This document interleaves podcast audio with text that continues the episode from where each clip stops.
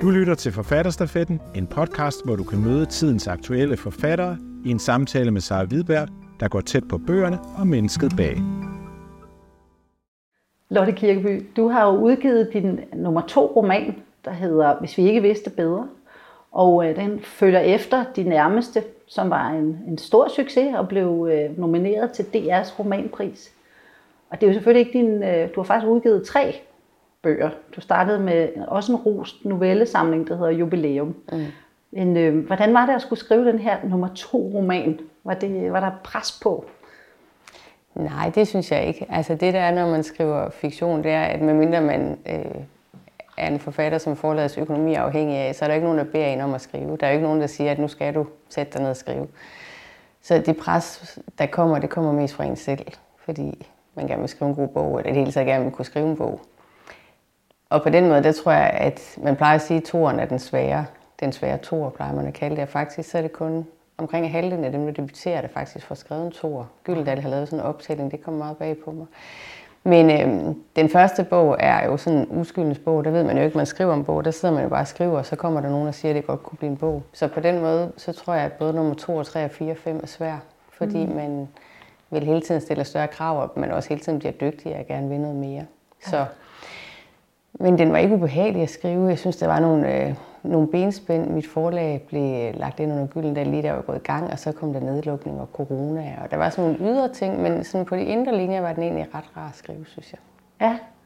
Har den, øh, altså, det er jo et andet persongalleri, men føler du, du, du lidt tager nogle af de samme temaer op? Ja, altså det er sådan, man opdager, når man har skrevet sin bog. Øh, fordi jeg sætter mig bare ned og skriver. Altså jeg tror, Søren Ulrik Thomsen han siger i Store Kongeskade 23, at han altid skriver om det, han ikke ved, fordi det, han ved, det behøver han ikke skrive om. Mm-hmm. Og så tror jeg også lidt, jeg har det, at øh, jeg starter et sted, og så ser vi, hvad der sker. Så har jeg typisk en person, som jeg følger, men jeg har ikke nogen idé om, hvad der skal ske overhovedet. Øh, så derfor er det ikke sådan, at jeg sætter mig ned og siger, nu vil jeg skrive noget, der ligger i forlængelse af det, jeg har skrevet. Men det ender det, som jeg gør lige fordi, jeg strander altid ved de der nære relationer. Øh, selvom der er et lidt større persongalleri her måske, end der var i de nærmeste, så er det jo de familiære relationer, der interesserer mig. Så på den måde, der går der jo en, en ret fed og lige tråd fra jubilæum til de nærmeste til, ja. hvis man ikke vidste bedre. Det gør der. Ja. Altså den her gang, der angriber du jo også et tabu med en, en kvinde, der forlader sin mand og sin datter. Ja. Hvor, hvorfor, hvorfor går hun fra det her hjem? Ja. Altså, man kan sige, når jeg siger, at jeg ikke ved det, det, det lyder krukket, det gør jeg ikke helt. Men, altså, det er jo et kæmpe tabu, der mænd har jo forladt deres familie i, til alle tider, ikke også? Øhm, hvorfor forlader hun dem? Altså hun forlader dem jo, fordi hun hele tiden har haft rigtig, rigtig svært ved at være i den der familie. Øh, romanen foregår, øh, der er nogen, der siger, at de ikke ved, hvornår den foregår, men det passer faktisk ikke, fordi der er bilfri søndag, så det kan man ja. jo finde ud af, hvor det rigtigt foregår. Så den, er der, den, den foregår der omkring mellem slutningen af 60'erne og begyndelsen af 70'erne. Eller det gør den ikke, den foregår i nutiden, men mange af de tilbageblik, der hvor hun bliver gift og får sit mm. barn, er der omkring. Øh, og der var, der var kvinderollen jo anderledes defineret, end den er i dag. Altså hun var en af de få i den der provinsby, der havde en høj uddannelse og valgte at gå på arbejde samtidig og også at have sit barn. Og jeg tror, hun synes, der var en hel masse konventioner, hun skulle leve op til som kvinde og som mor og som mm. læge, som hun er også. Som hun aldrig helt faldt tilpas i. Øhm, og så vælger hun jo så, forhåbentlig mange, der har læst bogen, når det her bliver sendt, så vi ikke plotspoiler, så forlader hun sin mand og sin datter, da datteren er stor. Mm. Øhm, og jeg tror, hun gør det, fordi at hun synes, at hendes rolle udspillede sig. Altså, det er jo sådan en... Jeg ved ikke, om det er en kamp, men det er jo...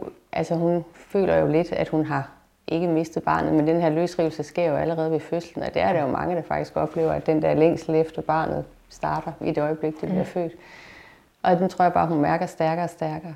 Og så øh, tænker jeg lidt, at hun forlader barnet, før barnet forlader hende. Altså det bliver sådan ja. en, ikke et togtrækkeri på den måde, men men at det ligesom var det, hun skulle, at hun skulle blive der, så længe hendes barn var der og havde brug for hende. Og da hun så ikke har det mere, så, øh, så er hun free to go. Så kan hun godt gå. Ja. ja. Det, ja, det ved jeg ikke, om hun kan. Det kan man så diskutere, ikke?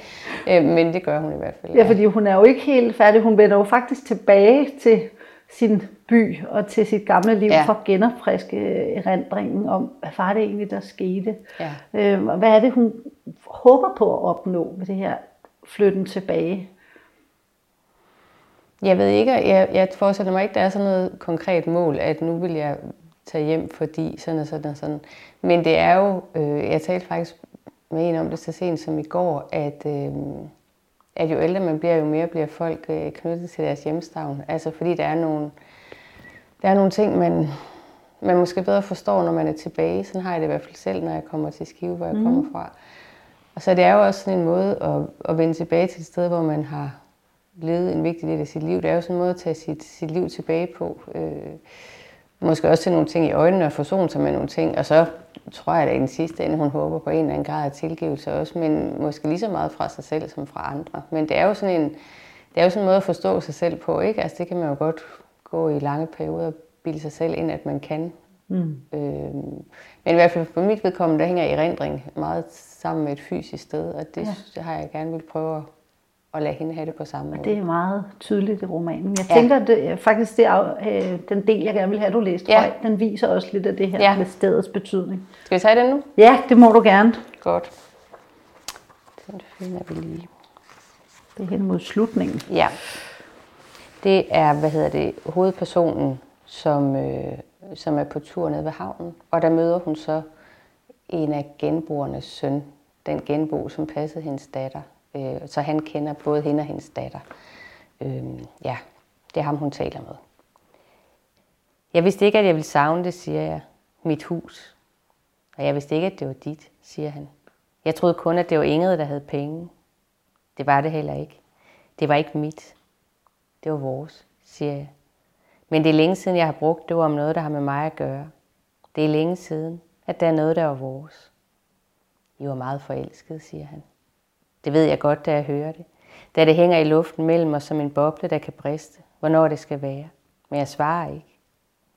Alle snakkede om det, siger han. Da I flyttede ind. At I var heldige. Og så kom Katrine. Ja, siger jeg. Så kom Katrine. Ja, og hvad er det, der sker med deres forhold, da Katrine dukker op? Det lille barn.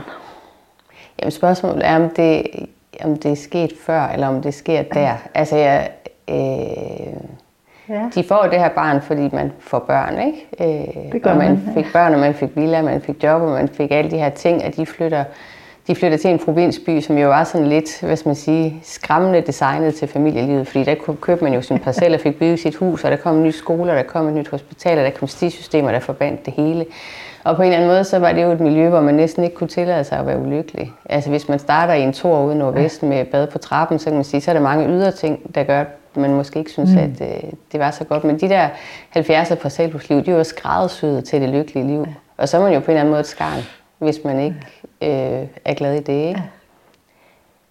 Så øh, ja, jeg tror sgu, måske sker det også før Katrine. Altså måske skulle de bare være blevet i København, og mm. måske skulle de slet ikke have haft hinanden. Altså de blev jo faktisk gift for at få en lejlighed. Det var der jo rigtig mange, der gjorde dengang. Altså hele den der myte om den romantiske kærlighed, den har også altid haft en masse praktiske aspekter. Det har den, ja. Fordi man kunne ikke, tage mange steder kunne man ikke få en lejlighed, hvis man ja. ikke var gift. Og så blev de gift, og så flyttede de, og så fik de et barn, og de har ligesom ført ind på alle de, de forestillinger om det gode liv, som, ja. som vi stadigvæk har. Det var ikke kun den generation, der havde det, det har vi jo også. Husdrømmen, ja, præcis. Som bare ikke altid er nogen drøm Nej, for familierne i virkeligheden. Ikke nødvendigvis.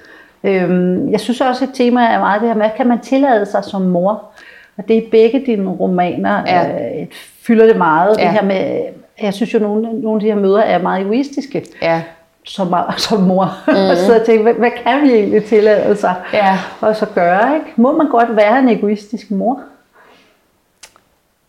Altså, jeg synes faktisk ikke selv, jeg har været det så meget, kan jeg sige. Tværtimod. Men nogle gange, jeg tror, det man skriver om i litteraturen, enten så øh, skriver man jo, altså hele den bølge, du har autofiktion, der skriver man jo på noget, der ligner det, man selv, øh, selv har oplevet eller selv føler. Og man kan også gå den modsatte vej at skrive på modfølelsen. Ja.